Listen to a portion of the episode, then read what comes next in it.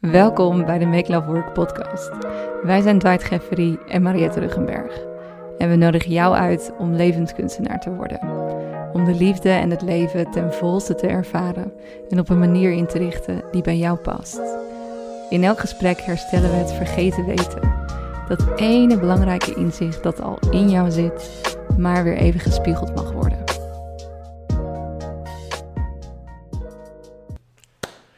Seizoen 4, Yes. de eerste aflevering. Fijn om weer te zijn. Ik heb er naar uitgekeken. Ik ook. Ik heb het ook gemist, ook al was het maar een maandje. Ja. nou, ik, ik heb het. eh, waar ik heel blij van werd toen, we, toen wij spraken over deze aflevering, onze eerste aflevering, was ik ook heel blij over het onderwerp. Ja. Dus ik heb heel veel zin in en ik heb een. eh, ik heb mijn lijstje hier naast me. Maar goed, jullie zullen zo wel horen waar het over gaat. Dus ik, ik laat hem aan jou over. Waar gaan we het vandaag over hebben? Over de lat in de liefde. Of we die nou te hoog leggen of te laag leggen. Ja. En dat is een vraag die je jezelf denk ik heel vaak kan stellen. Van hey, ehm, je bent met iemand aan het daten of je bent in een relatie. Wat mag je nou verwachten van een partner of een date en Mhm. wat niet? En waar moet je nou mee akkoord gaan en waar misschien beter niet? Ja. Dus waar leg je nou die lat? En ik heb eh Dwight gevraagd van nou, wat zouden nou zeven eigenschappen zijn... wat jij waardeert eh, aan een vrouw, Ja. wat voor jou eigenlijk de lat is. Dus die gaan we sowieso horen. Mhm. Ik heb ook eh, zeven punten voor een man opgeschreven. heel, heel benieuwd ja. wat jij hebt. Ja. en wilde jij nog iets kwijt over dit topic? Waarom werk je er zo blij van?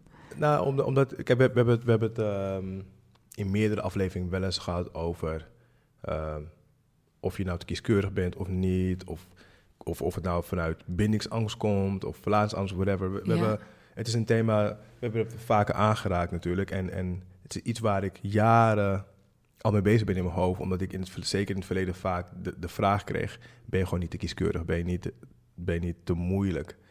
En toen dacht ik altijd, nou ja, ik zie gewoon weinig voorbeelden die tegenspreken wat ik voel.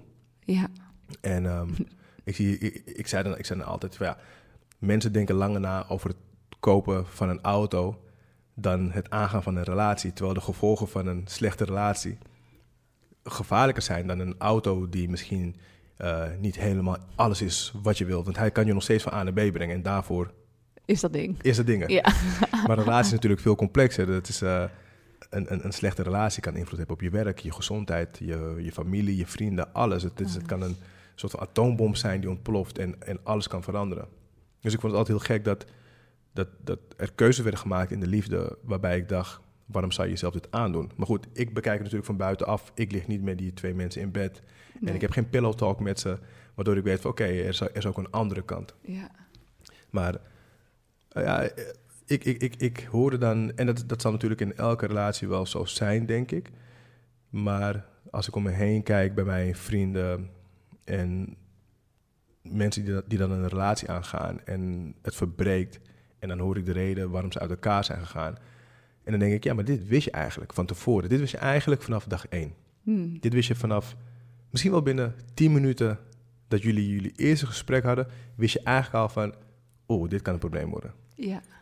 Maar we zijn allemaal, inclusief ikzelf, want ik heb ook die fouten gemaakt. We zijn romanticussen, dus we willen dat het, dat het gaat werken, omdat diegene misschien, misschien een aantal dingen heeft die je heel graag wilt. Of je wilt gewoon niet meer alleen zijn. Ja. Wat het ook is, je bent misschien op een bepaalde leeftijd, waardoor je denkt, ja, maar ik moet nu wel voor iets gaan, want ik heb niet alle tijd van de wereld meer. Iedereen heeft een motief waarom hij of zij een keus maakt. Dus ik begrijp het. Alleen als ik kijk naar de gevolgen die het kan hebben, ja, dan denk ik, ja, dan misschien hadden we, iets, hadden we toch dat lijstje moeten aanhouden die we misschien in ons hoofd hebben opgesteld als, in onze, als tiener. Dan heb je vaak een lijstje van, oké, mijn vriend of vriendin moet dit en dit en dit hebben. En, die, en dat lijstje is waarschijnlijk heel oppervlakkig. Ja. Dat, dat, je lijstje hoop ik dat is veranderd in de loop der jaren. maar ja, je mag, best, je mag best een lijst voor jezelf hebben waarvan je denkt, dit is voor mij belangrijk. Ja, ik denk dat het verschil erg zit als je dit zo zegt tussen ehm, investeer je in, een, eh, in het potentieel van een relatie dat je ziet, dus Ja, in een soort van project, in een work in progress, of investeer je in iets dat het al is. Mhm. En ik denk dat dat ook nog eens heel erg afhangt van je leeftijd. ja. In de zin van ben je jong, nou ja, dan ben je alle twee sowieso work in progress, dus investeer je eigenlijk exact. bijna altijd daarin. En dan hoop je maar dat je samen kunt blijven groeien. blijven groeien. Maar het kan ook dat je juist ouder ben en vrouw dan, want mannen hebben hier geen last van, Mhm. en een kinderwens heb en zoiets heb van, nou ja, oké, ik heb niet meer zo heel veel jaren. Deze man heeft potentieel, die wil, dus laten we er maar voor gaan. Ja, Want anders ben ik misschien niet meer vruchtbaar. En dan zoeken we dat liefdesstuk wel weer uit. Misschien redden we het, misschien niet. Nou, dan heb ik weer een nieuwe kans op de liefde. Mhm. Maar een nieuwe kans op een kind heb ik niet. Ja. Dus ik denk dat het heel erg afhangt van je leeftijd. Zeg 100%. Waar, waar je de soort van het gewicht legt. Ja. En misschien ook wel van je, van je ervaringen. Ja, Omdat, ja, van wat je hebt meegekregen van je ouders. precies. Alles, er zijn zoveel factoren. En daarom, ik, ik oordeel in die zin nooit. Ik, ik, Nee. ik heb mijn vrienden nooit gestraft, eh, om het even zo te zeggen. Nooit gestraft, nooit gezegd van ja, maar dat had je kunnen weten. Want ik snap het. Ik snap waarom je die keuze hebt gemaakt. Ja, Die keuze is, is, het is een keuze vanuit, vanuit je hart, vanuit je verstand. Wat, je- wat, wat, wat je motief ook is, ik begrijp waarom je die keuze hebt gemaakt. Alleen hoop je op een gegeven moment dat je, nadat je zo'n keuze hebt gemaakt en nadat je hebt moeten dealen met de gevolgen van je keuze, dan hoop je dat je denkt, oké, nou dan moet ik ja, iets, iets...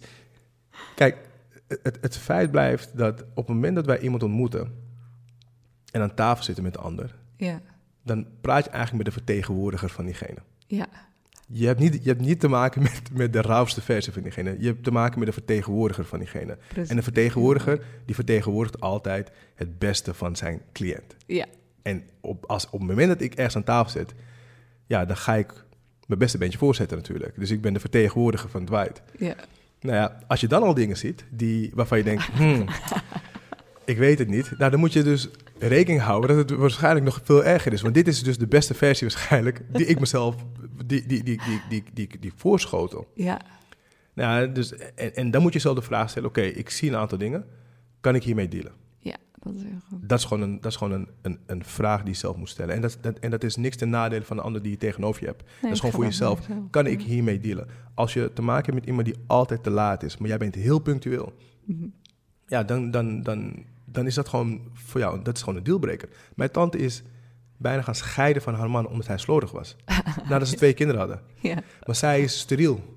ja. En hij is gewoon heel slordig. Dus op een gegeven moment kon zij gewoon niet meer. En, niet, Nee. en het had niet eens zozeer te maken met de troep. Maar voor haar voelde het alsof hij geen respect had voor, haar, voor wat zij vroeg. ja, Dus er, er zijn andere krachten die, die, die komen kijken bij zo'n, bij zo'n wens. Dus het- Ja, ja, wij als buitenstaander die kunnen denken van... nou, ga je echt je huwelijk verbreken omdat hij zijn sok laat liggen op de trap?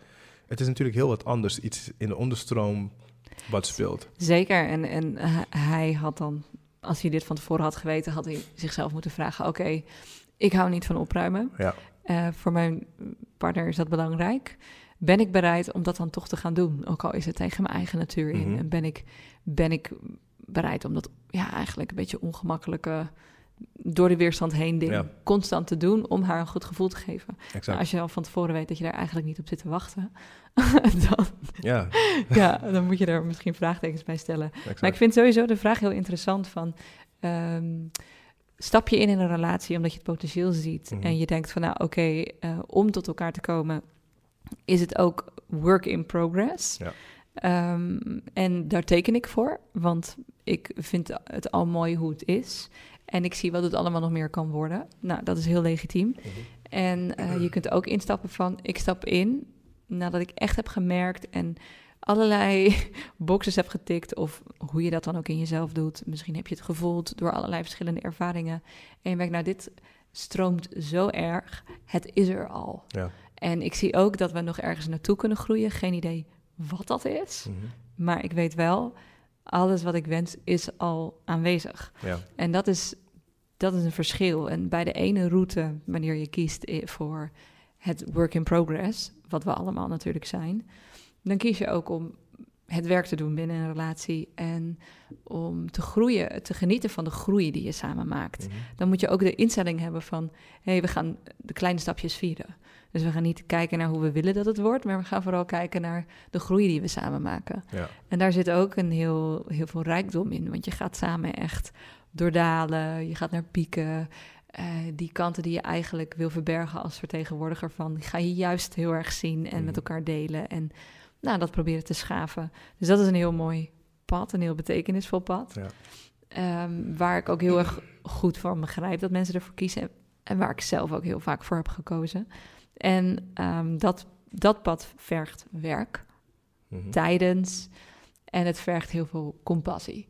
En heel veel, nou ja, je ego laten sterven, bij wijze van. Ja. Het andere pad, dat vergt heel veel nee zeggen. dus dat vergt dat je een bepaalde soort ja, lef of vertrouwen of discipline hebt. Dat je zoiets hebt van nee, ik wil dat het er al is. Dat het een bepaalde soort ja, startniveau heeft. Wat ik tot nu toe nog niet heb ervaren. Want anders had je al in een relatie gezeten. Mhm. Maar ik geloof dat het er is. En ik blijf net zo lang wachten. En ik ga net zo lang nee zeggen. Tot ik daar ben. Ja. Dat is ook een uitdagend pad. Is, eh, absoluut. Want je bent langer alleen waarschijnlijk. Ja, Ja. Ja. En je hebt meer vertrouwen nodig. Ja. En je wacht op om iets te ervaren wat je nog niet hebt ervaren. Exact. Dus hou je jezelf dan voor de gek? Ja. Of is het een soort onderbuikgevoel waar je gehoor aan mag geven? Dus dat, die, Precies. twee, die twee vragen gaat Ja. het om. En waar, wat is jouw voorkeur? Wat is jouw verhaal in de liefde? Hoe doe jij het? Wachten tot het, tot het, tot je, tot het dat is wat Ja, je wilt. Dus jij bent van het nee zeggen. Ja, ja, Ja. En, en, en, en wat daarbij komt kijken is dat je moet dealen met heel veel commentaar van buitenaf. Ja, Heel veel. Je, je, ik heb alle diagnoses al naar mijn hoofd geslingerd eh, Gekregen. gekregen, omdat ik, omdat ik van ja, je hebt verbindingsangst, je hebt verlatingsangst, je hebt dit, je hebt dat, je, je bent onvolwassen, voor alles en nog Ja. wat. Maar dus daar, daarmee moet je mee dealen. Je moet heel sterk in je schoenen staan en zeggen van nee, maar ik weet wat ik wil. En stel dat ik, want dat vind ik heel knap aan jou, Mhm. dat je gewoon zo sterk in je schoenen gaat en ik weet wat ik wil. Je Mhm. bent ook naar een therapeut gegaan. Door, doordat ik ben gaan twijfelen, dus door wat ja. ik allemaal te horen kreeg. ja, als je het zo vaak hoort, dan denk je Ja. misschien zit er wat in. Maar als ik de advocaat van de duivel speel, Mhm. die therapeut heeft geconcludeerd, Dwight, jij mag de lat leggen waar je hem legt. Er is niks mis met jou. Stel dat het wel bindingsangst zou zijn. Ja. Wat dan? Nou ja, dan moet, dan moet ik dat dus eerst oplossen. En ik, ik zou je zeggen, het was misschien ook deels bindingsangst. Ja, Maar niet zodanig dat ik niet in staat ben om een gezonde relatie aan te gaan. ja. Kijk, ik, ik denk dat we allemaal in zekere mate te maken hebben met verlatings- of verbindingsangst. In precies. zekere zin. Dat geloof ik ook. Ja, alleen eh, bij de een is het, is het zodanig dat hij nooit de verbindenis aangaat omdat hij bang is om verlaten te worden. Weet je, en, en, en de ander die, die gaat elke verbindenis aan omdat hij niet alleen wil zijn. Ja. Dus we, we, we, dealen er allemaal enigszins mee. En ja, ik zou misschien van nature meer neiging naar, neigen naar bindingsangst. Maar ik wilde wel even checken van, is het zodanig dat ik niet in staat ben om verbindenissen aan te gaan? Ja, nee. Maar ja, dus om antwoord te geven op je vraag. Ja, het was misschien ook wel deels bindingsangst. Ja. Ehm, maar niet in de mate waarin het, het me werd aangepraat.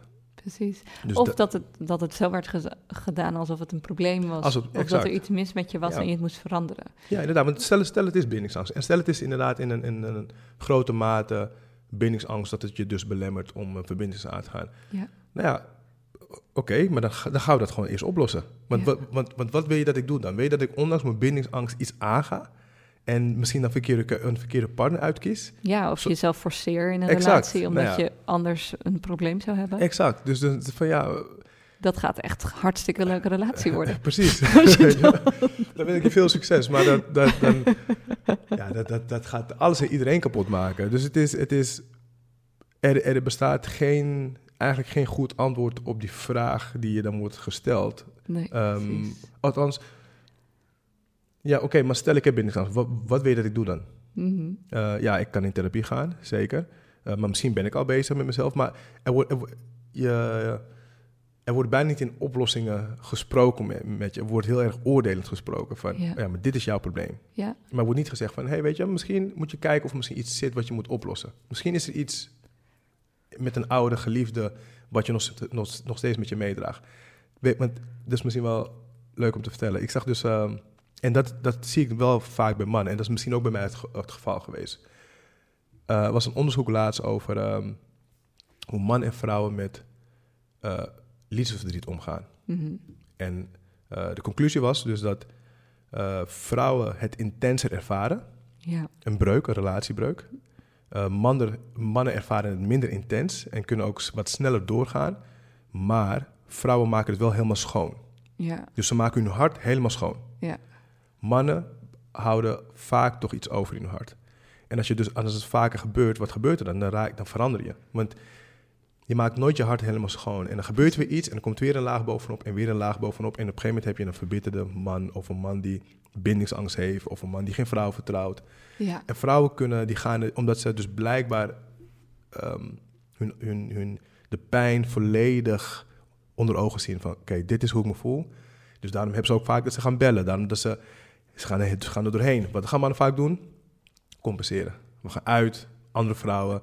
Ah, het maakt me niet uit. Zoveel mogelijk afleidingen. Zoveel mogelijk afleiding. Dus we dealen ermee, maar ook weer gedeelte, gedeelte ook weer niet. Ja. En, en dus, dus ik, ik snap ook wel waarom misschien ook wel die vraag aan mij werd gesteld. Omdat inderdaad mijn allereerste relatie was, ja, werd, zij, zij ging vreemd. Ja. Dus er zit misschien wel een kern van waarheid in, maar in ja, hoe groot is die kern? Dat, dat, is een, dat, dat was altijd de vraag die ik, die, ik- die ik had. En daarom ging ik ook in therapie. Van hoe groot is die kern van waarheid? Want er zit absoluut wel een waarheid in, maar ik wil weten hoe groot die is. Ja, nou mooi. Dat is precies de reden dat ik het zeg. Want bindingsangst is iets wat er in mijn beleving gewoon mag zijn. En vaak wordt het eh, gebracht op een manier van... jij hebt bindingsangst en dat heb je te veranderen. Dus Ja. oftewel, het mag er niet zijn. Stel nou dat je bindingsangst hebt, want dat hebben we allemaal in een meer in een grotere of minder grote mate. Ja. Dan is het gewoon fijn dat dat mag bestaan. En dat jij vanuit jezelf mag voelen of je daar wat mee wil doen Mhm. of niet, of dat je het laat. En jij eh, zegt ook altijd mooi, vind ik, dat het leven gewoon zijn eigen gang gaat. Ja. En dat je zonder dat je heel geforceerd hoeft in te grijpen, ehm, vanzelf al wordt bewogen naar situaties van groei. Ja. En zo geldt dat ook voor bindingsangst. Dus op het moment dat jouw liefde voor een vrouw groeit en groeit en groeit en groeit, Mhm. dan ga je die plekken in je hart tegenkomen die je hebt bevroren, waar je die pijn hebt gestopt, Exact. waar je al die verleidingen omheen hebt gebouwd, al die afleidingen hebt gebouwd om daar maar niet te komen. Mhm. En dan kan je op een gegeven moment beslissen van, hmm, oké, ga ik mijn hart verder openen en naar deze pijn toe? Of ga ik toch weer weg bij deze vrouw Ja, en door die pijn heen en daar dan maar weer afleidingen voor zoeken? exact. Dus ik geloof ook wel dat, dat je als man op een gegeven moment op een punt komt dat je beseft, die heb ik al heel vaak gedaan. Ja. ja. die het weer uitmaken en ehm, opnieuw beginnen. Dus misschien dat ik deze keer de andere strategie ga Exact. doen. En dan kijken waar dat me brengt. Ja.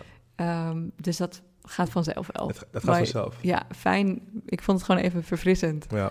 Om, om dat te zeggen. Want in dat boek van Hannah Kuppen, Liefdesbang, gaat het ook gewoon over dat we allemaal in bepaalde mate bindingsangst hebben. ja. Met name de mannen dan.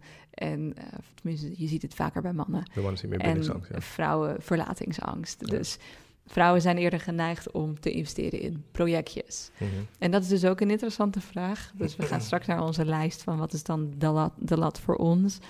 Maar ehm, ik heb ook wel eens nagedacht van...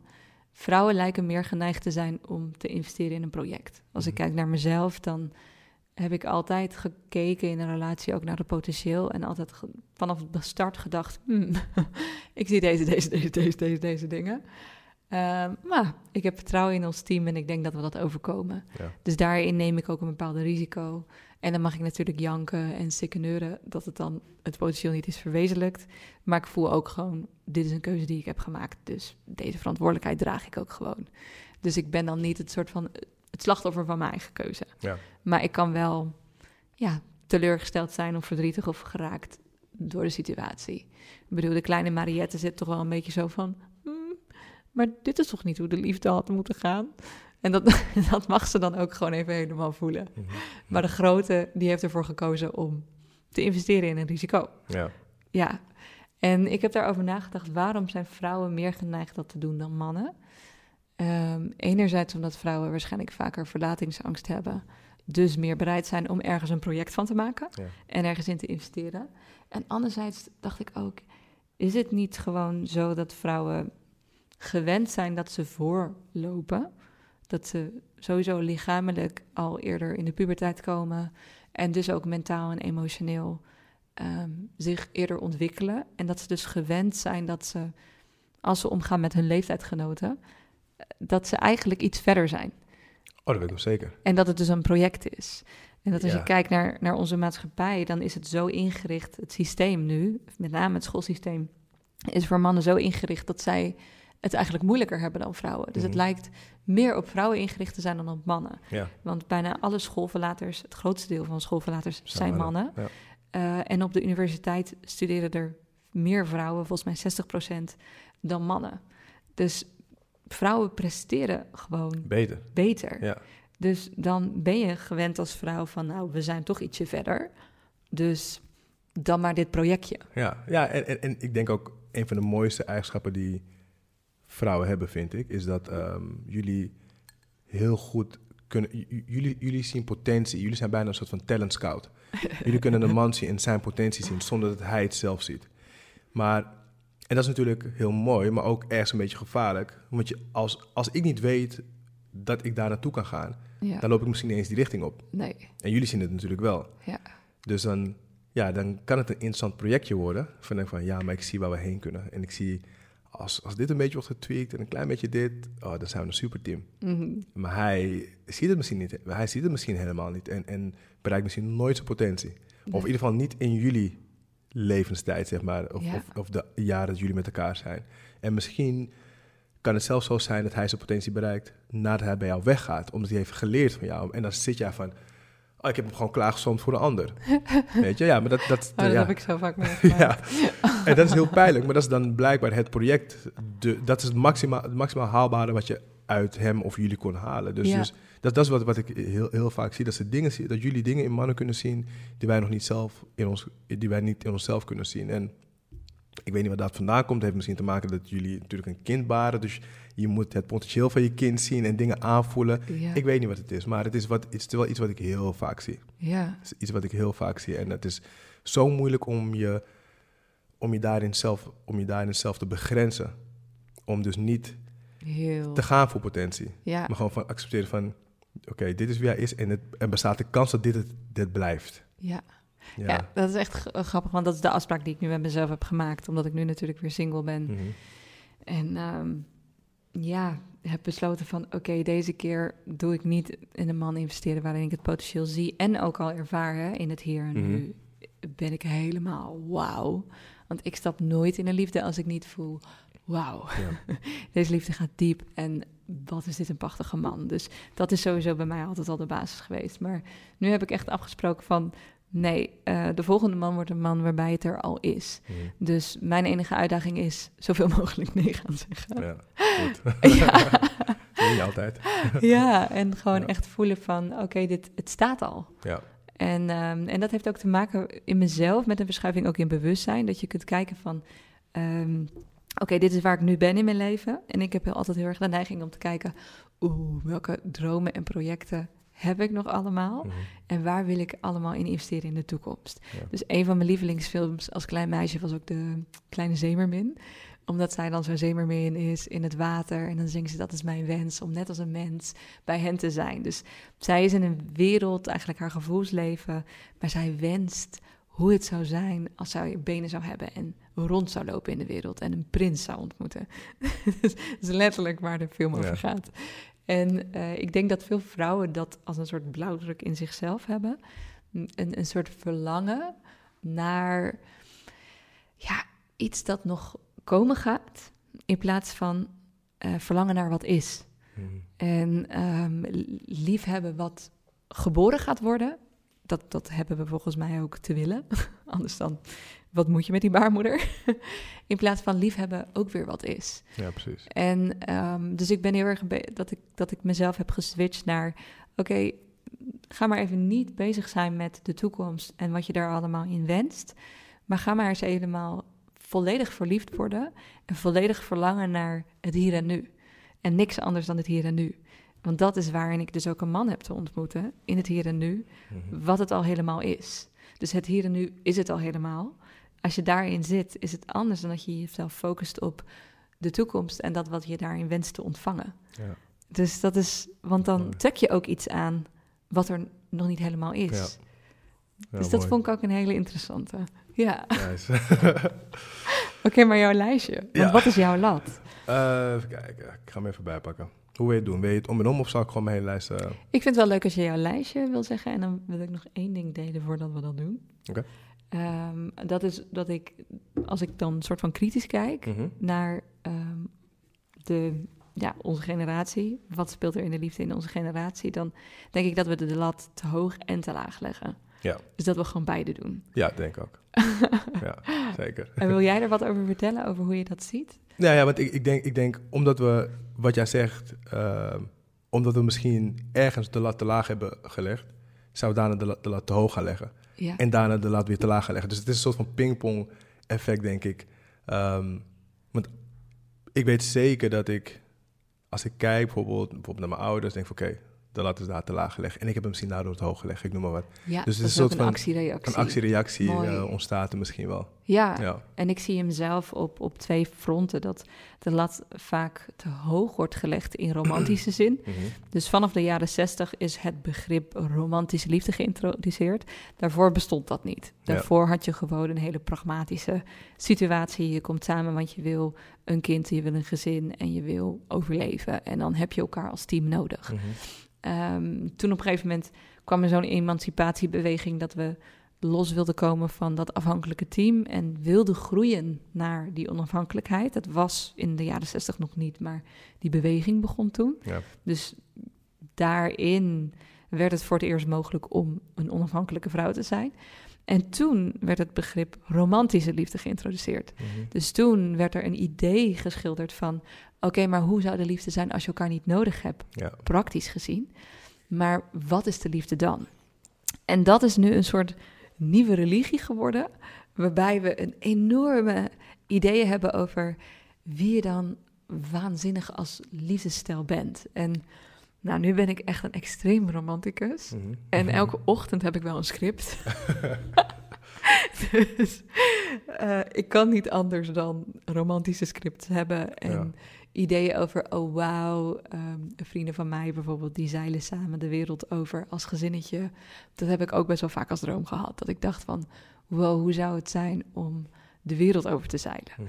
Maar ook hele andere dromen gehad. Hoe zou het zijn om met mijn partner eh, meerdere huizen te bouwen en meerdere centra te bouwen in verschillende landen en daar mensen samen te brengen? Dus ik heb altijd wel van die romantische scripts gehad van Ja. dit is een soort ja, ehm, groots en meeslepende levensstijl. En dat kan je ook zien in feestjes en rock'n'roll-achtige vibe Mhm. die ik zou willen hebben met mijn partner. Ja. Nou, ik ben de laatste die zegt stop met die scripts, want ik kan er zelf niet mee stoppen. maar eh, ik ben wel degene die dan zegt, neem ze niet zo serieus. Ja. En lach erom. Want het leven is gewoon, zelfs weet je wel, ik heb een lange reis gemaakt naar Chili en Patagonië en het was super mooi en ik heb de allermooiste foto's gedeeld. Mhm. Maar heel vaak als je aan het reizen bent, heb je gewoon shit hotels. ja, stress van het reizen. Stress van het ja. reizen, die beslissingen die je moet nemen. Ja. Je hebt zo'n dag waar je de hele tijd niet een lekker restaurant vindt. En eh, dat je creditcards niet werken. Of er zijn gewoon altijd heel veel shitmomenten. Maar ik, ik, ik, ik denk dat... en dat, is in het leven net zo. Ja, maar ik, ik denk dus wat jij zegt over de lat te hoog en te laag leggen. Dat doen we niet. Ik denk dat er een beweging gaande is. Ja, ehm, waarin we, omdat, omdat de wereld veranderde. Inderdaad, wat je zegt, vrouwen kon, waren ineens niet meer afhankelijk van mannen. Dus we konden nu een partner kiezen op basis van romantiek. ja, Maar dat hebben we ook met werk. Vroeger, ging je gewoon vroeger was werk, plezier in je werk hebben. Dat, dat- die, die twee, dat, dat werd nooit in één zin verteld. Je ging gewoon werken om je brood te verdienen en je gezin te onderhouden. Te Ja. onderhouden. En op een gegeven moment werd de industrie anders. En nu denk ik van, nee, maar ik wil ook passie in mijn werk vinden. ja. En nu zijn we bijna obsessief op zoek naar, in, in mijn werk moet ik alles vinden. Ja. Leuke collega's, goed salaris, Alles. het moet een hobby zijn. Ook daar, zou, ook daar wordt de lat soms te hoog gelegd. precies. Maar ook in het leven. Met, eh, dus het is denk ik een soort van beweging waar we in zitten, omdat het leven... We hebben nu de mogelijkheden om een soort van te ontplooien. Ja, Dus we willen in, willen in alles romantiek vinden. Werk, liefde, vriendschap. alles. We willen Ja. alles vinden in één ding. En ja, dan, dan, dan krijg je dat. Dan krijg je teleurstellingen. Dus, dus we, we, we moeten nog ergens een beetje een balans vinden... dat we meer naar het midden kunnen gaan. dat denk ik ook. Dus ik heb zelf zoiets van, nou, ehm, schiet wel lekker hoog. Ja, exact. En, en kijk waar die raakt. Juist. En lach heel erg om alle shitzooi ertussenin. Ja. Want dat, dat is Ja. gewoon heel veel. Dus lach daar dan gewoon om. Dat is denk ik Dus- de juiste instelling inderdaad. Ja. Dat je inderdaad schiet hoog, maar accepteer waar je landt. Ja, neem het niet zo serieus. Ja, Het precies. is gewoon vermoeiend. Ja, Dus dat is daar waar daar ligt hij iets te hoog en mag hij gewoon eh, ja, zijn waar hij is. juist. En, en probeer dan dat lief te hebben. En aan de andere zijde ligt die te laag als het gaat over wat is nou de basis van een gezonde relatie. Mhm. En ik denk dat we daarin soms in de war zijn ook. Van wat mag je nou eigenlijk verwachten in een relatie? Ja. En ehm, ik vind het dus bijvoorbeeld normaal om te verwachten dat je eh, elkaar ondersteunt. Of Mhm. dat je een team bent. Ehm, en ik heb mijn lijstje gebaseerd op alle aspecten waarvan ik vind dat mag je verwachten in een gezonde relatie. Ja. En daar lijkt er ook, misschien ook wel omdat we dan allemaal zo onafhankelijk moeten zijn, Mhm. alsof we zijn verleerd om echt afhankelijk te zijn. Ja. En eh, in hoe ben je gezond afhankelijk? Ja. En dat is wat mij betreft de lat. Om te weten hoe je gezond afhankelijk bent. Ja. In plaats van in een relatie te zijn waarbij je toch alles in je eentje aan het boksen bent. En de hele tijd mee bezig bent met dat romantische ideaal proberen te realiseren. Ik vind dat heel benauwend. Ja, en, en ik, ik vind eh, de, de, ehm, de uitspraak liefde overwint alles, dat is voor mij de lat te laag leggen. ja, Dat is voor mij, als, als, je, als je daarop focust, dan vind ik dat je bijna per definitie de, de lat te laag legt. Want Nou ja, de romanticus in mij, die is nu Om- een beetje van streek. nou ja omdat als, als voor jou eh, liefde zeg maar de, eh, de basis is, en punt, dus geen komma. Maar als Ja, liefde de basis is, nou, dan wens ik heel veel succes, want Ja, je kan verliefd worden op, op, op de meest toxische situaties. ja klopt. Dus, dus Ja, nee, Dus het- je het- hebt die lat nodig. Van wat is gezond? exact. Dus, dus liefde moet absoluut de basis zijn, maar er moet een komma achter en geen punt. Ja. En dan zeg je aangevuld met dit, dit en dit. Precies. Dan heb je nog in mijn optiek een goede, goede fundering. Maar als je alleen zegt, zolang we maar van elkaar houden, Nee, dat dan werkt wens ik je niet. veel succes. Ja, ja, nee, dus daarom hebben we jouw lijstje nodig. inderdaad. Ik ga me bijpakken. Want dat is de basis van voor jou een gezonde afhankelijke relatie. Oké. Ehm, dit is niet, in, eh, het is niet opgesteld op basis van prioriteit. Het Nee. zijn dus willekeurige volgorde. Oké, leuk. Eh, e- eigenaarschap is Ja. voor mij heel belangrijk. Ehm, Ja. Heel belangrijk. Dat, dat beide partners, maar dit is wat ik van mijn partner vraag. Mhm. Dat ze eigenaarschap ne- neemt voor wat zij doet, voor haar aandeel in, in een situatie. En, en zeker in ruzies. Want dat, ik denk dat dat een van mijn grootste triggers is. Ja, Ja, dat is een van mijn grootste triggers. ik vind het wel leuk om hierop te reageren. Ik doe dat inmiddels. Ik ben eh, afgetraind. ik, ik deed dit niet. Ik deed dit echt niet. Ja, dat hoorde ik, ja. Ja. en bij mij heeft dat ermee te maken dat ik ehm, eh, een soort angst had. Mhm. Oeh, maar als ik nu ga ownen wat Ja. voor monster ik hier ben geweest, Mhm. of drama queen of whatever, dan kan hij niet meer van me houden. Ja. Dus ik moet hoe dan ook dit alles nu zo snel mogelijk onder het tapijt vegen. Het is niet gebeurd. en doen alsof het helemaal niet aan mij Ja. lag. Dus ik denk dat als er nog vrouwen zijn die zoiets hebben van eigenaarschap, Wat is dat? dat je, eh, ehm, het heeft mij heel erg geholpen dat ik lelijk mag zijn. Ja, En dat de man dan de grootheid van zijn hart mag laten zien. Van, schat, dat manipulatieve monster van jou, die ken ik al lang. exact. Ik hou toch wel van je. Ja. Maar zeg nou maar gewoon dat je die reep... Weet je, je hebt van die kindjes die zo'n reep chocola Ja. hebben gegeten... en En dan al het chocola onder hun mond... ja. en dan zeggen, nee, ik heb niks gedaan. ja. ja en, je geeft, en je geeft je partner de, de, echt de kans om je, om je echt te leren kennen. ja, Gewoon van, oké, dit ben ik, gewoon compleet. ja, En, en anders, ja, dan, dan, heeft, dan blijft hij maar te maken met de vertegenwoordiger van jezelf. Weet je? Ja. Dus, dus dat, dat is voor mij heel belangrijk. eigenaarschap. Eigenaarschap. Twee. Eh, nieuwsgierigheid. Ja, Nieuwsgierigheid in het leven. Nieuwsgierigheid eh, naar je partner. Ehm, dat, dat is voor mij een, een, een... Omdat ik denk, zolang je nieuwsgierig blijft... ehm, dan... dan dus het, het gaat bijna hand in hand met ontwikkeling, zelfontwikkeling. Ja. En dan blijf je ook... Dat, dat zorgt er ook voor dat je steeds een nieuwe partner voor je partner bent. Want, Ja. je, want je verandert steeds, je groeit en dan ontdek je nieuwe dingen bij jezelf en je partner ontdekt nieuwe dingen bij jou. En ik denk dat dat heel belangrijk is om de frisheid in je relatie te behouden. Want ja, je gaat, in, je gaat hoe dan ook een bepaalde maat van sleur krijgen. Dus hoe kan je dat enigszins overwinnen? Dus daarom vind ik eh, nieuwsgierigheid heel belangrijk. ja, mooi, want dan kun je gewoon eigenlijk elke keer ontdekken... dat je een nieuwe partner hebt. Exact, Want het is ook zo. Ja. Dus dan kan de liefde ook blijven groeien... en dan blijft het toch ook fris. precies. Ja. Ja. Zelfspot. Ah, ja. Zelfspot is voor mij heel belangrijk, omdat ik... ehm, ehm, het leven is soms al zwaar en complex genoeg. En als we niet kunnen lachen om onszelf Nee. en om het leven... dan wordt het wel heel bitter. ja. En ik heb daar geen zin in. Nee.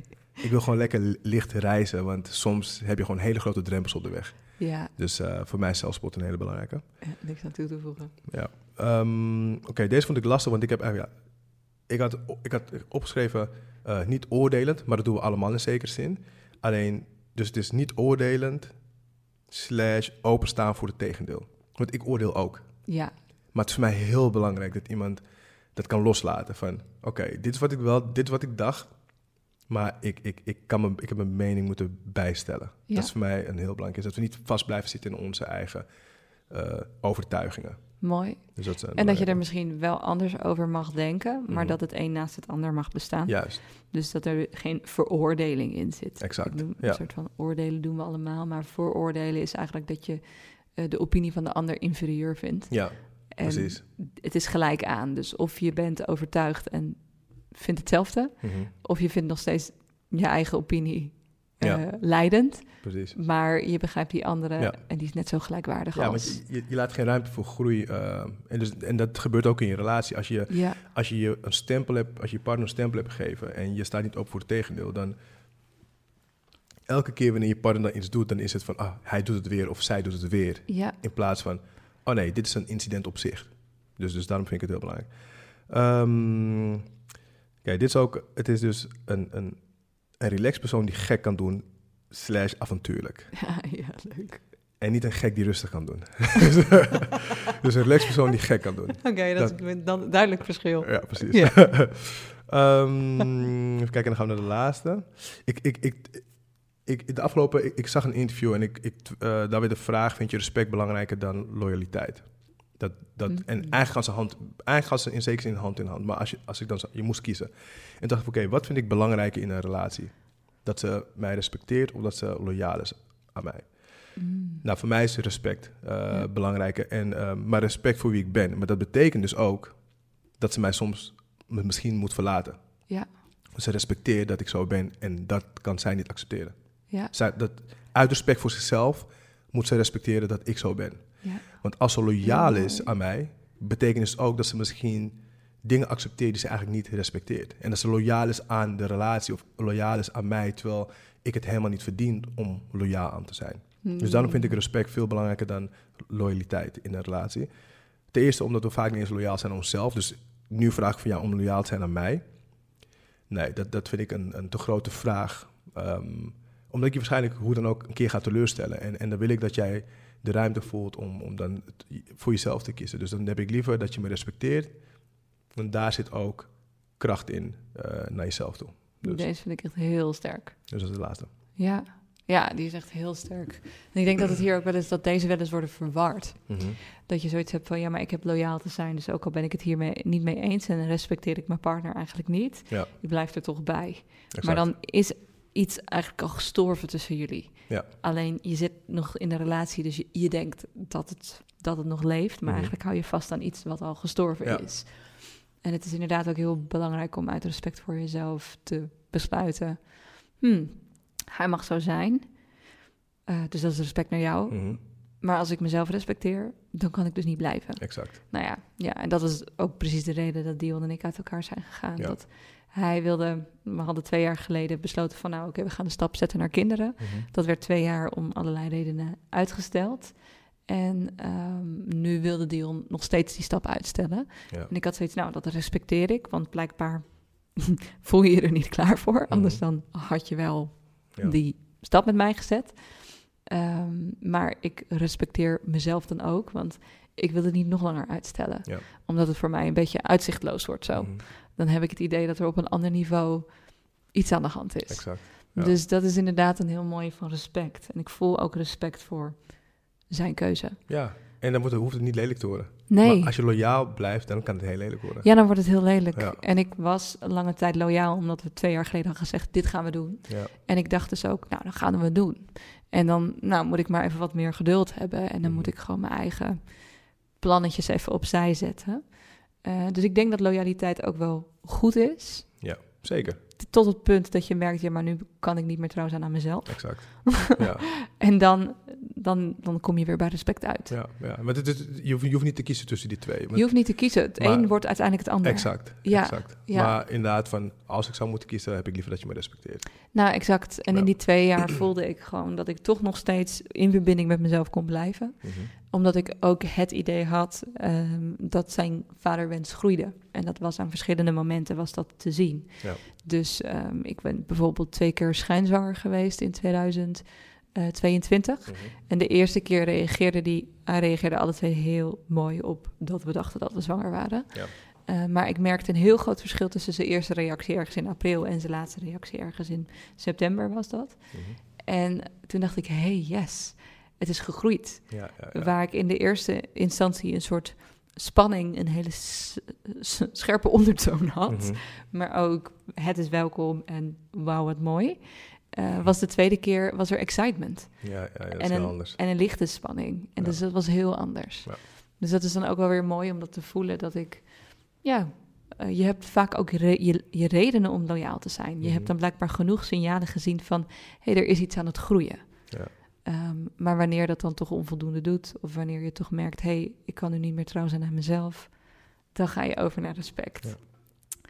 Nou, Heel benieuwd naar jouw lijst. Mijne, ja. Ik heb het, ik heb het heel erg op gedaan op wat ik nu ehm, waardeer in een man. Mhm. Ehm, dus ja, dus het gaat over eigenschappen die ik zie als volwassen masculiniteit. En dat is denk ik ook interessant aan deze discussie, want ik denk dat het gewoon jaren kost, ehm, soms tientallen jaren, om te groeien naar volwassen liefde toe. Om eh, volwassen vrouwelijke energie te ontwikkelen en volwassen mannelijke energie. Ik zie dat ik zelf eh, pas de laatste jaren echt in volwassen vrouwelijke energie zit. Ja. Dus juist omdat ik mijn mannelijke energie heb ontwikkeld en die onafhankelijkheid heb bereikt, ehm, ben ik zo veilig geworden dat ik mijn vrouwelijke energie ook weer meer, want het mannelijke maakt veilig, dat zorgt dat je je staande houdt in de wereld. Mhm. Daardoor kon ik mijn vrouwelijke energie weer verdiepen. En die volwassen vrouwelijke energie gaat heel erg voor mij dan over je helemaal kunnen overgeven aan welke koers je leven ook neemt. Ja. Al die emoties nemen zodat je je hart schoon wast en weer open bent. Dus nou ja, ik heb echt de raarste dingen gedaan de afgelopen tijd. Van in het koude water duiken. Tot echt heel dramatisch huilen en dansen in de, in de woonkamer. Om dat hart weer op te schonen, zeg maar. En Mhm. weer vrij te maken. En dat zie ik echt als die volwassen vrouwelijke energie van alles durven voelen. Overgeven aan de koers van het leven. In vertrouwen waar het je brengt. En in liefde voor wat is. Ja. Maar dat heeft mij ook lang gekost om daar te komen als vrouw. Dus daarom snap ik ook wel dat mensen ehm, kiezen voor elkaar als project. Want ja, meestal ontmoet je elkaar in je twintiger jaren, soms zelfs in je tienerjaren, of heel misschien begin dertig. Maar meestal zit je nog niet op volwassen liefde. Precies. En jij en ik, we zijn alle twee, nou ja, ik ben 35 nu, jij bent 38 nu, Mhm. net geworden. Ja. Precies een week geleden. Precies. Dus dat, ehm, ja, wij, wij kunnen nu ook die volwassen liefde verwachten Ja. van een ander. Precies. Maar dat is ook een beetje irreëel om dat te verwachten wanneer je begin twintig bent. Dat, ja, dat, dat is Dus dan anders. Ja. Zeg je sowieso ja op een project. Ja, inderdaad. Maar goed, dus ik heb wat ik zie als volwassen masculiniteit. Mhm. En dat is één, een man die durft te kiezen en koers houdt. Mhm. Dus waar hij ook voor kiest, of hij nou kiest voor wel een relatie of geen relatie, hij kiest vanwege een bepaalde reden en hij houdt koers. En hij neemt eigenaarschap over die koers. Dus Ja. hij neemt verantwoordelijkheid voor, eh, voor die keuze. En eh, het mooie vind ik ook van volwassen masculiniteit, dat die- een man zoiets heeft, ik wil een, een koningin naast me. En I know a prize when I see one. Mhm.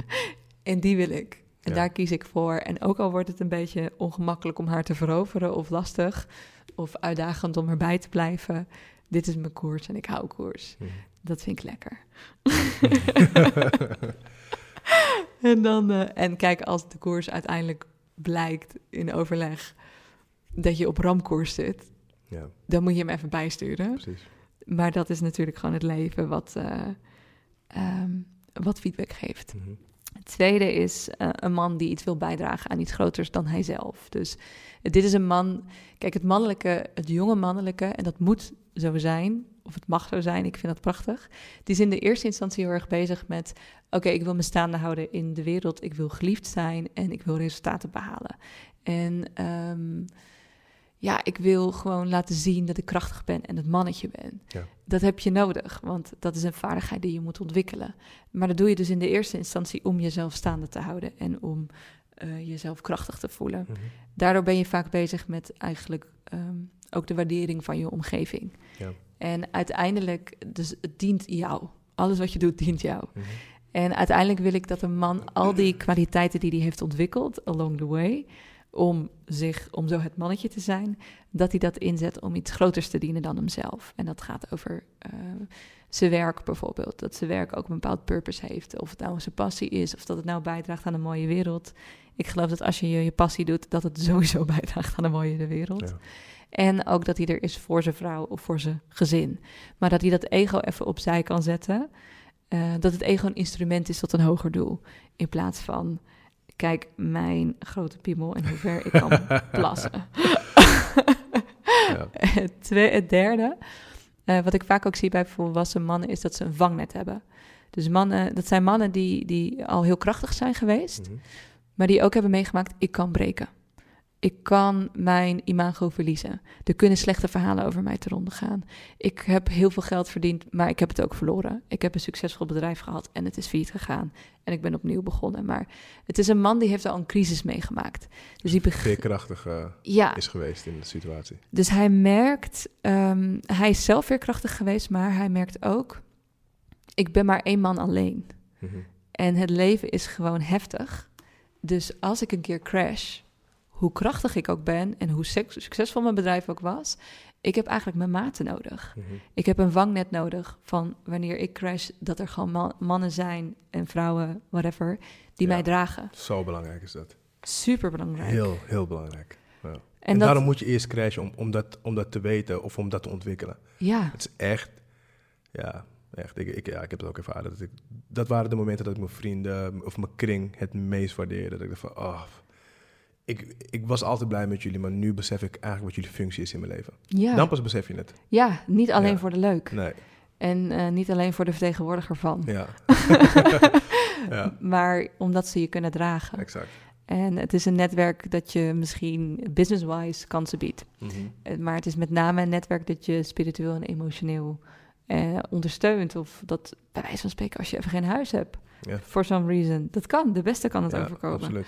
Dat je bij iemand kan tukken. Mhm. Voordat je weer een nieuwe toko hebt en aan je, aan je nieuwe piek begint. Ja. Want natuurlijk ga je weer een nieuwe piek maken. Ja, Maar soms ben je gecrashed. Dus dat vind ik heel mooi. Ehm, ja, eh, als een man beseft, ik kan het niet in mijn eentje. Ik heb mensen Mhm. nodig. En ook eh, als je in een mindere periode bent, dat je jezelf dan juist deelt. ja. In dat- plaats van terugtrekt en het allemaal maar alleen doet. ja, ja, ja. Dus dat mensen echt weten wat er in jou omgaat. Mhm. Dat vind ik ook mooi. Als je als een, men, ja, een man dat toe kan laten. Mooi. Mentaal weerbare man, dus dat is de vierde. Dus ehm, we hebben allemaal gewoon negatieve stemmen in onze kop. Mhm. Maar er moet maar één stem te zijn die sterker is. En dat die man die stem heeft gevonden. Dus Ja. dat die, iedere man heeft zo zijn demonen. En mannen lijken iets meer dan vrouwen last te hebben van schaamte en schuld. Mhm. Ehm, en dat zijn gewoon stemmen die vreten aan je in je kop. Ehm, of het gevoel van ik schiet tekort. Of dit is, eh, dit is zo nasty, ik wil weg. Ja. Eh, maar dat er dan één stem is die zoiets heeft. Nee, we zetten door. Ja. Ehm, dus maar één manier waarop ik kan falen als ik opgeef. Maar als ik niet opgeef, maakt het niet uit waar ik uitkom. Ik ga gewoon door. En dat is die sterkere kop. Dus de, de sterkere stem Ja, in je hoofd. Ik, ik, ik, ik, ik vind dat, en het is niet eerlijk dat ik dat doe, maar ik merk dat ik soms mannen veroordeel die dat niet niet hebben. doen. Ja. En dat is, dat, is, dat is niet eerlijk, want ik weet niet, ik, ik ken de hele bagage, inhoud niet. Maar ik vind het, ik vind het, want je, er gaat gewoon bullshit komen. ja. Dus probeer karakter te bouwen, probeer eelt op je ziel te creëren, zodat je inderdaad die ene stem die het belangrijkste is dat die luider schreeuwt dan, dan, Dan de, de andere stemmen. Ja, Ja, want of dat je hem tenminste kan horen. dat je hem kan horen, want anders red je het niet. Nee. Ja, Laatst zei eh, Simon, eh, waar we ook een podcast over hebben opgenomen, Mhm. over die, ehm, eh, waar spiritualiteit en wetenschap elkaar en de Ja. praktijk elkaar ontmoeten.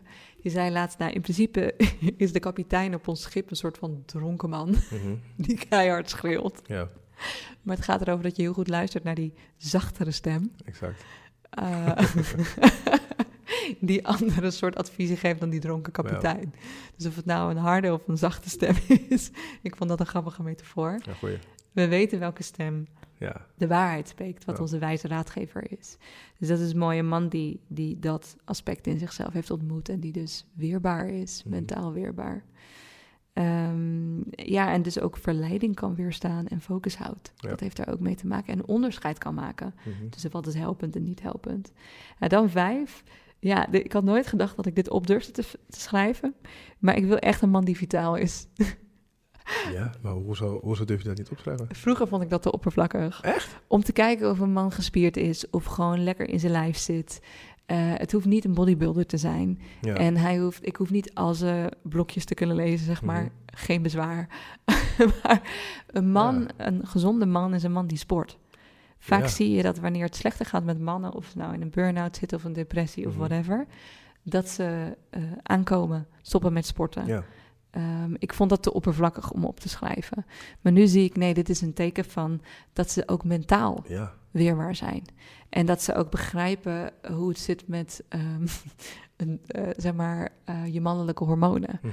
Dus dat je, ehm, ja, mannen die voelen zich mannelijker als ze gewichten optillen. Tuurlijk. A- Als ze sporten. Ja, alle studies die, die, die wijzen, die wijzen Ja. daarop uit dat, dat als jij de machine geolied houdt, Ja, dan heeft dat invloed op je testosteron. Testosteron heeft weer invloed op je mentale gezondheid. Dus je hebt een domino-effect aan, aan gebeurtenissen als, als je lijf gewoon niet fit is of vitaal is. Dus Ja. ik snap wat je bedoelt, omdat je, je hebt natuurlijk een eh, esthetisch aspect ervan, dat het er mooi uitziet en denk van ja, het is oppervlakkig. Nou, dat is een bij, bijeenkomstigheid. ja, Maar dat is niet nee, dat is niet waar het mij om Nee, gaat. exact. Nee, ja, ik vind, het, ik vind het een hele belangrijke. Ja. En, en, en, eh, zeker ook voor mannen, want ik merk namelijk, eh, als ik om me heen kijk, veel mannen die mentaal niet lekker in hun vel zitten, dat je het fysiek ook ziet. Precies, En ik weet niet of dat ook voor vrouwen geldt, hoor, dat, dat weet ik niet, maar Nee, de- voor vrouwen is het, ja, kan. ik, ik weet niet hoe dat, want jullie, bij jullie, je hebt ook jullie cyclus, dus ik weet niet precies hoe het werkt bij vrouwen. Ik, ik, ik, het, is de, dit zijn de gesprekken die ik met mannen heb. Ja, En ik zie altijd een correlatie tussen hoe ze met hun lichaam bezig zijn, ja, wat ze in hun lichaam stoppen, en hoe hun mentale gezondheid is. ja, dat zie ik dus ook. Ja. Dus daarom kijk ik ook van, oké, een man, hij heeft vitaal te zijn. Hij heeft te Mhm. snappen dat sporten is belangrijk voor een man. Ja. En dat juist wanneer hij zich misschien niet goed voelt, dat hij andere zakelijke afspraken in zijn agenda schrapt. Ja. En dat hij naar de sportschool gaat. ja, Want dan weet je, dan ga ik me beter voelen. exact. En een man die beseft, gezond eten is belangrijk. Dus ik heb te zorgen voor mijn lijf in de zin van gezond eten, sporten. En dat hij ook begrijpt, ik heb ook mijn ruimte nodig. Mhm. En die ruimte pak ik.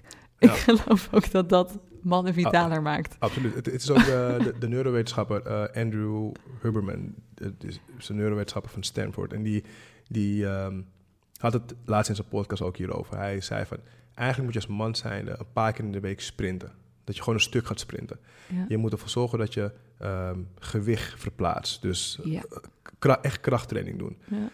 Eh, je moet zorgen dat je een aantal kilometers duur loopt. Of in ieder geval een duursport beoefent. Dus het ging allemaal over hele fysieke Dingen. Fysi- fysieke Ja. dingen. Dus dat, dat, dat explosieve van het sprinten, het, het, eh, het gewicht heffen en dus uitingsvermogen. En hij zei van ja, tuurlijk, je krijgt er ook een mooi lichaam van. Of je krijgt er een fit lichaam van.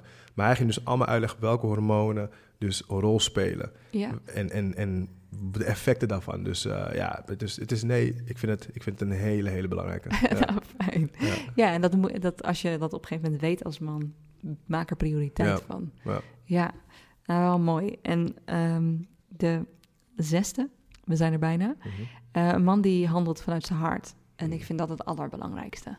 Ehm, dus daarmee bedoel ik dat een man, als je in verbinding bent met je hart, dan, ik vond dat dat een hele mooie metafoor van de samurai. De samurai, dat zijn eh, krijgers, ehm, volgens mij uit Japan. Ja. Ehm, en volgens mij komen ze ook voor in China. Ja, het is, het is- Japan. Ja, hè? Ja. ja. Japanse ja. dus Japanse krijgers. En wat ik daarvan weet, geen idee of het waar is, is dat zij, eh, werden zij zijn strijders vanuit het hart. Dus Mhm. als zij doden, dan doden ze met compassie. Mhm. Nou, dit is natuurlijk het romantische verhaal van de ideologie achter een samurai. Ik denk Ja. dat het in de praktijk er anders aan toe ging. Ja. Maar ik vind dat... eh, ik heb al lange tijd een eh, schilderij gemaakt en erop stond Wu Wei. En dat is de weg van de krijger, de weg van de samurai. Mhm. En dat was aan het begin van mijn ondernemerschap. Omdat ik wilde handelen vanuit mijn hart. Dus ik wilde in staat zijn om ehm, te doden vanuit compassie, wat niet meer dienend was. Maar ook te laten leven en te beschermen wat leven mag krijgen.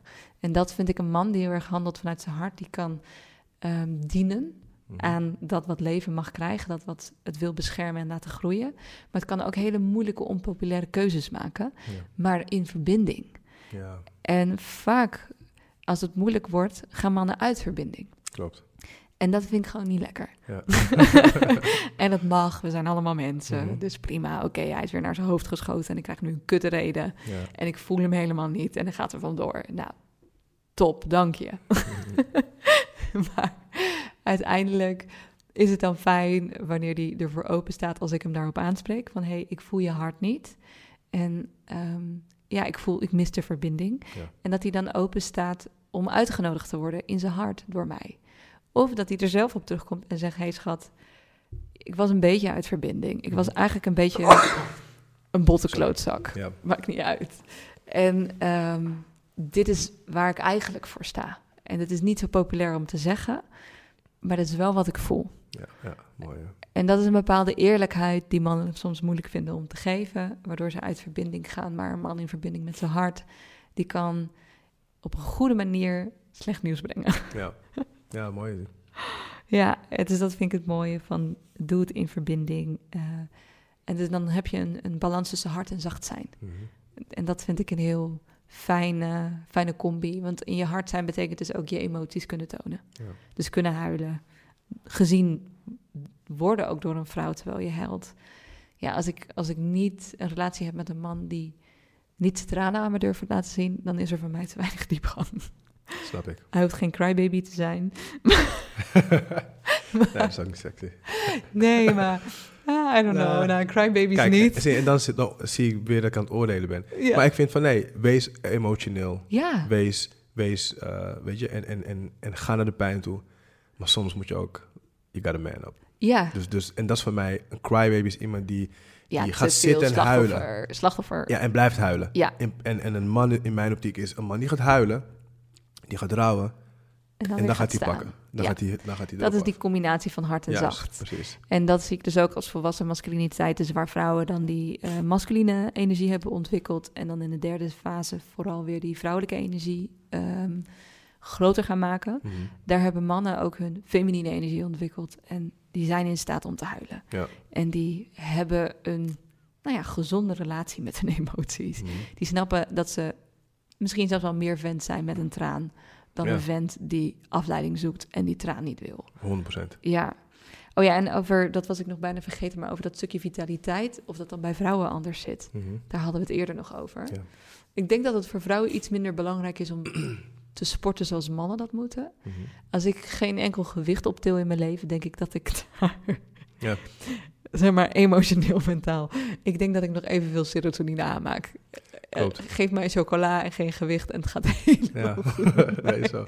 En ik kan stil nog steeds slank blijven. Nee, ik denk dat dat aspect testosteron eh, bij Is mannen gewoon- is een ja. heel belangrijk element. echt heel En belangrijk. eh, ook voor, voor je mentale gezondheid. Ja, En, en dat, dat, dat kan je boosten of dat hou je goed op peil inderdaad door fysiek. te bewegen. Ja, exact. Dus ja, En voor vrouwen is bewegen ook belangrijk, maar op een andere op een manier. andere manier. Ja. En wij zullen ook wel eens emotionele eetbuien hebben. Mhm. Maar ik denk dat, de, dat het punt wel duidelijk Ja. is. Oké, de allerlaatste.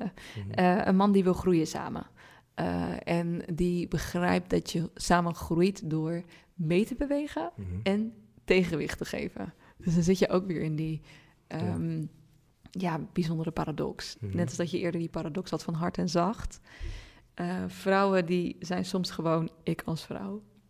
Kan soms ehm, ja, heel erg in mijn gevoel zitten, in de flow zijn, in het moment zijn. Dan gaan we samen naar een feestje en dan ben ik ineens verdwenen in mijn glittertasje. en dan uren verder en dan heb ik de juiste outfit en ja, dan moet je toch een beetje, een beetje met me mee kunnen bewegen. Ja. Dat we niet heel punctueel Exact. exact op het afgesproken tijdstip weggaan of Mhm. aankomen. Dus dan is het fijn. Ik denk dat je, als je een vrouw echt wel lekker wil laten flowen, dat je een beetje mee moet Ja. kunnen bewegen als man. Ehm, want dat is ook genieten van die tijdloosheid die vrouwen soms kunnen hebben Ja. als ze eenmaal in de zone zijn. En de sfeer wordt beter. Als je, als je kan meebewegen met een vrouw, Ja, wordt de sfeer beter. ja Dat is zeker. echt zo. Nou, mooi. Ja. Ja. en je komt ook vaak op magische dingen Ja. uit. Want Het is echt, echt zo. Het is zo simpel als... Stel dat jij en ik eh, ergens wat gaan eten. ja, En ik kijk misschien naar een gerecht wat ik lust. Op een menukaart denk ik van, oké, dit lust ik, laten we naar binnen gaan. Jij kijkt naar binnen en, en probeert de sfeer te, te vangen. voelen. Ja, En zeg ja, ik weet het niet. En ik kan dan denken van, gewoon, we zijn nu al een uur aan het zoeken, laten we hier gewoon naar binnen gaan. Ja. Maar als ik met je meebeweeg, komen we misschien wel op een hele magische toffe plek. En hebben we een hele mooie avond. ja, Dus, dat, dus dat, dat is een voorbeeld van, en dat heb ik vaak genoeg gemerkt, een voorbeeld van als je even meebeweegt. ja. En het, is niet, het zal niet altijd zo zijn, maar je, je kan heel aangenaam verrast worden. Dus absoluut, absoluut mee eens. Nou, prachtig. Ja. Want als ik echt als vrouw in de zoon ben, dan ben ik zo ehm, ja, aan het communiceren met een soort magische wereld, met Mhm. synchroniciteiten, met verdwalen en ineens ergens uitkomen. En Ja. dan ver- verrast worden. En dat is volgens mij echt een, een volwassen vrouwelijke, dat hebben mannen dus, kunnen dat dus ook hebben, Mhm. Eigenschap van de flow, in flow zijn. Ja. Mooi. En dus enerzijds dus mee kunnen bewegen met die vrouwelijke magie, maar ook tegenwicht kunnen geven. Ja. Vrouwen nemen soms ook gewoon in principe maakt de man een veilige ruimte voor de vrouw. Dus het Mhm. mannelijke, volwassen mannelijke geeft die kaders en die veiligheid. Ik weet hoe ik me staande houd. En dit is onze, dit is onze safe space. Ja. Dit is onze sacred space, als je het zo zou willen noemen. Eh, De vrouw krijgt die ruimte. Vul hem dan ook wel een beetje gezond in. ja. Dat doen we niet altijd. Nee. Zelfs niet als we volwassen vrouwen zijn. Ja. Want dan ben je af en toe, je bent niet altijd volwassen. Dus ook als je volwassen vrouwelijke energie hebt, dan ben je ook af en toe gewoon een manipulatief kreng. Mhm. En dan mag je gewoon even op je plek gezet worden.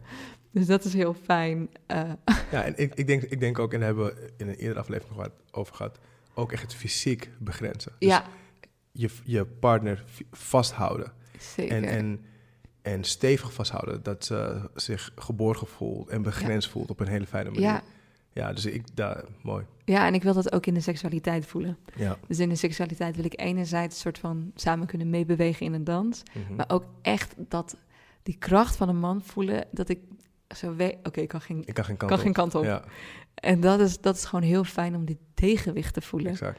Omdat ik dan ergens mijn eigen kracht als vrouw kan voelen in mijn kwetsbaarheid. Ja. Dus dat is, ehm, dat is mooi. En ik denk dat als je die twee doet, als je die, die dan speelt, dat je kan blijven groeien Mhm. samen. Eh, dus dat ook die intentie er is van, hey, mm, wat jij had over openstaan voor andere perspectieven, Mhm. dan blijf je ook groeien samen. En ik geloof dat als je deze dans hebt, dat je dan ook blijft groeien. Ja, ja. ja, want Ja. je beweegt mee en geeft je grenzen aan. ja, Maar je, maar je, je bent constant in beweging. Je precies. bent constant in beweging, ja. Ja, Mooi. Ja. Mooi lijstje. Nou, ja, ook. Fijn. Ja, heel fijn. Ja. Ja. dus ik vind het wel spannend dat ik dus nu hardop heb gezegd dat ik eh, niet meer voor een project ga, Mhm. maar wel voor, ja, voor een man waar ik voel dat alles er al is. ja, En dan gaan we uiteraard samen groeien Exact. en zijn we een project in wording, juist. maar het startpunt is anders. is anders. Ja. Ja. Ja, dus ik... Ik sta er helemaal achter. Ja. ja, dat weten we. je bent het levende voorbeeld. Ja, Mooi, thank you. dankjewel. Stel dat je dit een mooi gesprek vindt. eh, heel fijn als je de podcast-episode deelt en abonneert op ons kanaal. Dat helpt ons met onze zichtbaarheid, maar ook met onze missie. Want hoe meer mensen delen, hoe meer liefde we met elkaar verspreiden.